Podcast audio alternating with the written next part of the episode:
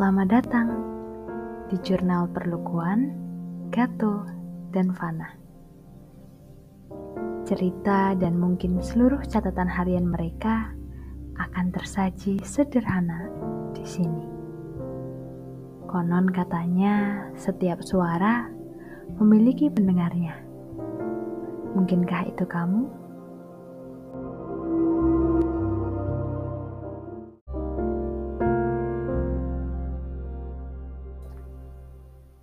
Kita tidak bisa seperti ini terlalu lama.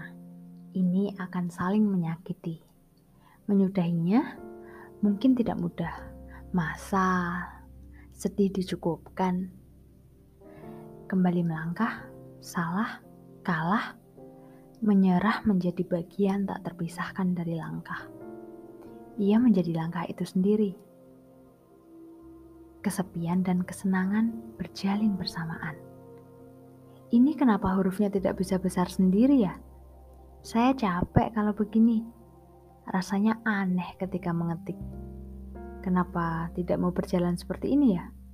Hmm, ada banyak waktu akan terlewat dengan sia-sia. Jika tidak dimulai, ditata kembali dengan sukacita.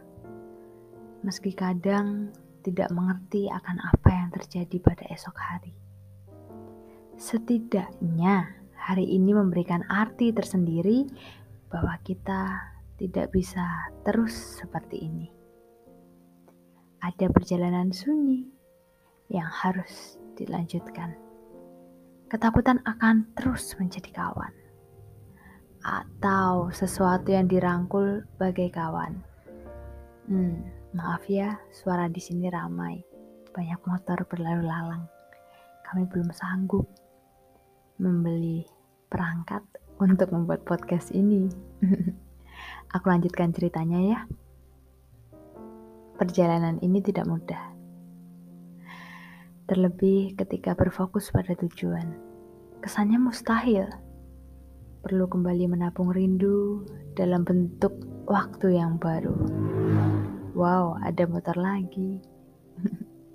Semoga kalian tidak terganggu dengan suara motor atau Mungkin kalian tidak mendengarnya? Oke, kita lanjut lagi. Memperkaya gagasan sembari terus melangkahkan kaki dengan berani. Ada banyak tanya, mengapa? Nanti bagaimana? Selanjutnya, seperti apa? Begitulah hidup. Keberanian untuk berjalan dalam misteri.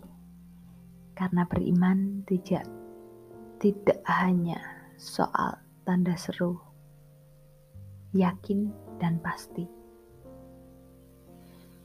Tetapi berani dalam bingung bertanya memaknai apa yang terjadi. Aku ingin berpulih, tapi aku sendiri yang merusaknya.